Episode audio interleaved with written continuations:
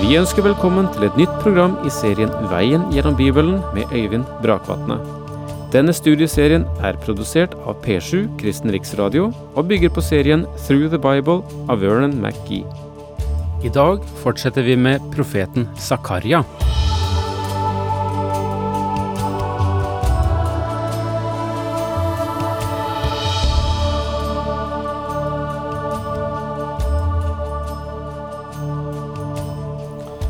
Profeten Zakaria er en håpets profet. Hele boken sett under ett eh, taler om at folket, Israels folket, og verden for øvrig, er satt under en høy himmel for den som vil følge Herren. Der finnes en, et håp for vår fremtid. Det finnes noe som ligger foran, som skyldes at Gud har gitt løfter som han aldri vil vike fra.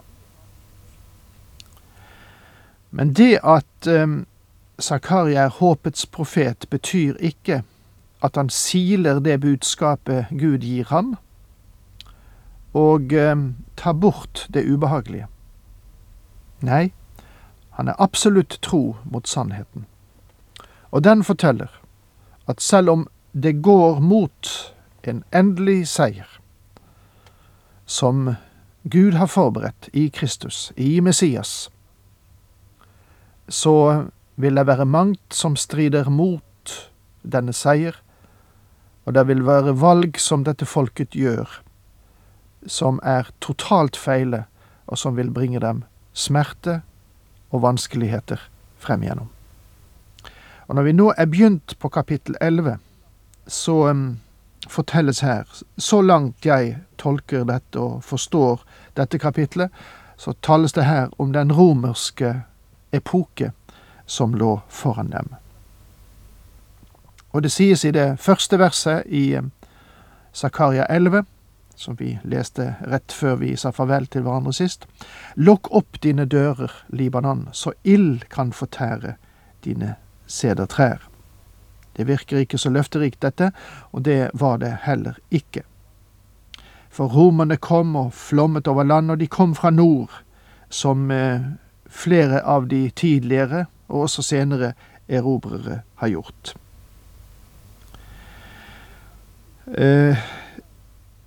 Og det er en naturlig vei å komme, for eh,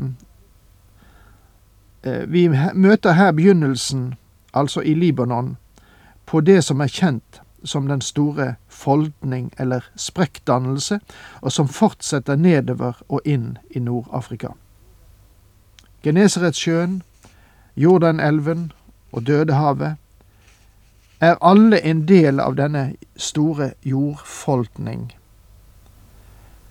der går en kløft der. Så Zakaria beskriver her hvordan erobrerne vil marsjere frem og inn i Palestina. Så ild kan fortære dine sedertrær. Sedertrærne på Libanon var berømte. Mye av Salomos tempel ble bygget av sedertrær fra Libanon, og også slottet hans var reist med dette vakre treverket. Disse sedertrærne er stort sett borte i dag. Meget få står igjen. Libanon betyr hvit eller snøkledd, og henter sitt navn fra de snøkledde fjellene i området. Den store dalsenkningen eller foldningen følger langs fjellsiden, og det var en velkjent rute for de store verdenserobrerne i historien. Egypt, Babylon, Medio-Persia, Syria, Hellas. Og her tror jeg Zakaria gir oss en beskrivelse av Roma, som vil også marsjere inn over deres landområder. Bryt ut i klagerop, sypress, fordi sederen er falt. De veldige trærne er ødelagt. Bryt ut i klagerop, dere mektige trær i Basan, fordi den tette skogen er felt. Bryt ut i klagerop, dere mektige trær i Basan. Basan var et område i det nordlige Israel. Det var mye eiketrær i det landområdet, og det profeten uttaler her, kan enten gå direkte på naturforhold, eller tolke at store ledere og mektige menn skal falle. Hør hvor gjeterne klager fordi deres herlige beiter er herjet. Hør hvor de unge løvene brøler fordi Jordans prektige skog er lagt øde. Hør hvor gjeterne klager fordi deres herlige beiter er herjet. Dette dreier seg om de falske gjeterne som hadde gitt folket feil retning og feil trygghet. Hør hvor de unge løvene brøler. Henviser kanskje til de unge høvdingene og lederne i folket. Så har Herren min Gud sagt, gjet sauene som skal slaktes. Dette virker sjokkerende. De sauene som det henvises til her, er den rest som hadde vendt tilbake til Israels land. Men hva hadde de vendt tilbake til? Selv om de kunne få oppleve en tid av velsignelse og overflod, så ville erobrerne komme, og uante lidelser ventet dem der fremme. De som kjøper dem, slakter dem uten å bøte for det, og de som selger dem, sier Herren være lovet, jeg blir rik, og deres egne hyrder sparer dem ikke. Dette profetiske bildet er svært presist når det gjelder å tolke det som hendte dette folket der romerne kom. For jeg vil ikke lenger spare innbyggerne i landet, lyder ordet fra Herren. Se, jeg vil overgi menneskene i hverandres hender og i hendene på deres konge. De skal herje landet, og jeg vil ikke berge noen ut av deres hånd. Gud sier at han vil tillate at dette finner sted fordi de ikke bare hadde vendt seg fra ham, men hadde også lite til overs for den Messias som Zakaria profeterte om. Så gjette jeg slaktesauene for sauehandlerne. Jeg tok meg to staver. Den ene kalte jeg godvilje. Den andre kalte jeg forbønn, og jeg gjette sauene. Når det gjelder dette verset, har fortolkerne forskjellige synspunkter. Kan vi forstå det slik her at Zakaria faktisk ble sauegjeter en tid? Var det en lignelse han fortalte her, eller demonstrerte han praktisk hva Gud her ville gjøre? Personlig heller jeg til at dette er en lignelse i handling. Flere av profetene brukte denne metoden, i særlig grad Esekiel. Du husker kanskje at Esekiel låste seg selv inne i et hus, grov seg selv ut av dette huset og kom ut på gaten utenfor. Det å grave huller i gatene er svært vanlig i våre byer i dag. Det finnes ikke en gate i byene våre nesten som ikke er gravd opp en eller flere ganger, vil jeg tro. Men på Esekels tid var dette uvanlig. Men også i dag ville det være uvanlig om en mann låste seg inn i huset sitt og så grov en tunnel ut fra huset og kom opp i hovedgaten. Vel, Esekiel gjorde det, og han hadde et budskap da han kom opp i denne gaten og han hadde sannelig også en, en tilhørerskare. Dette var god PR, og det kan vel tenkes at Zakaria brukte anskuelsesundervisning, han også. Jeg tok meg to staver. Den ene kalte han godvilje, som betyr nåde eller skjønnhet. Dette var hyrdenes staver, den som hyrden brukte å holde fårene sammen i flokken med. Med denne staven dro også hyrden ofte lam og unge sauer opp fra dype grøfter eller fra fjellhyller der de hadde gått seg fast. Den andre staven ble kalt forbund. Dette har å gjøre med det å slutte en pakt. Og dette taler også om en stav som hyrden hadde. Det var en tyngre stav, ikke som en lang og lett hyrdestav, men en, et noe tyngre slagredskap. Denne brukte hyrden for å bekjempe ville dyr, og også mennesker som forsøkte å stjele av fåreflokken. Og dette er de to vesentligste sidene ved det budskap Zakaria bar fram for folket, nåden og pakten. Og jeg gjette sauene. Dette kan både forstås bokstavelig og billedlig. Jeg ryddet av veien de tre hyrdene på en måned Men jeg mistet tålmodigheten med dem, og de fikk også uvilje mot meg.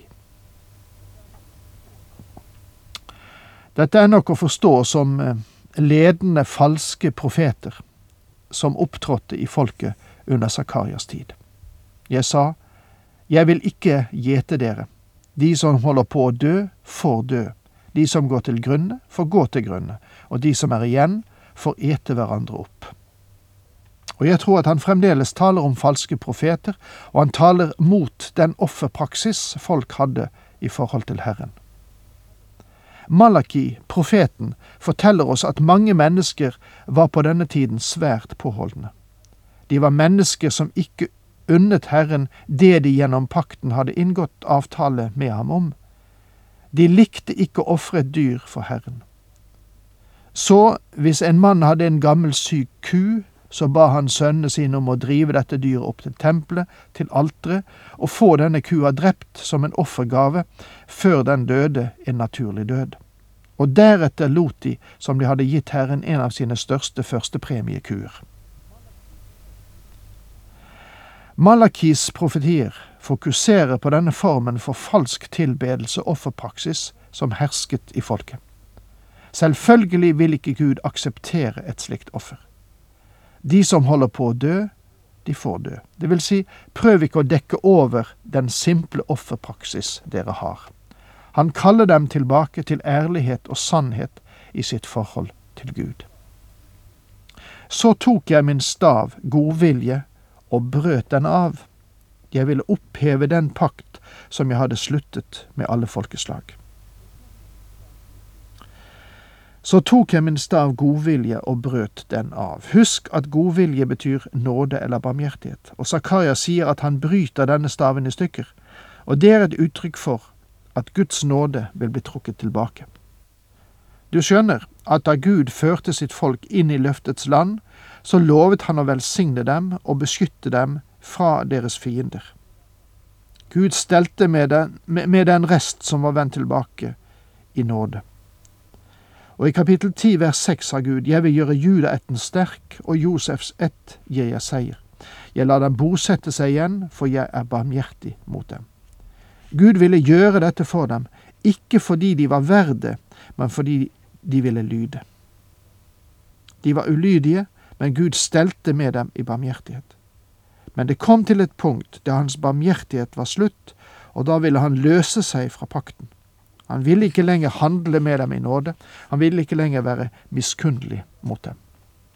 Jeg ville oppheve den pakt som jeg hadde sluttet med alle folkeslag. Hva mener Gud når han sier at han vil oppheve den pakt som han hadde sluttet med alle folkeslag? Har eh, han ikke gjentatt gjentatte ganger sagt at han ikke vil bryte pakten. Vel, mine venner, vi må forstå at det er en forskjell mellom en ubetinget og en betinget pakt. Gud bryter aldri en ubetinget pakt, det vil si en pakt som det ikke er knyttet betingelser til. Eh, der må vi faktisk slutte for nå. Tiden er ute. Takk for nå. Herren med deg.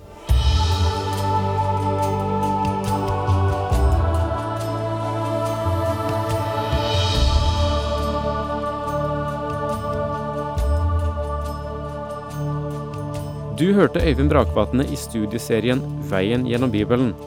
Serien bygger på et manus av Vern McGee. Har du spørsmål eller kommentarer til programmet, kan du sende en e-post til vgb krøllalfa p7.no. Takk for i dag, og på gjenhør.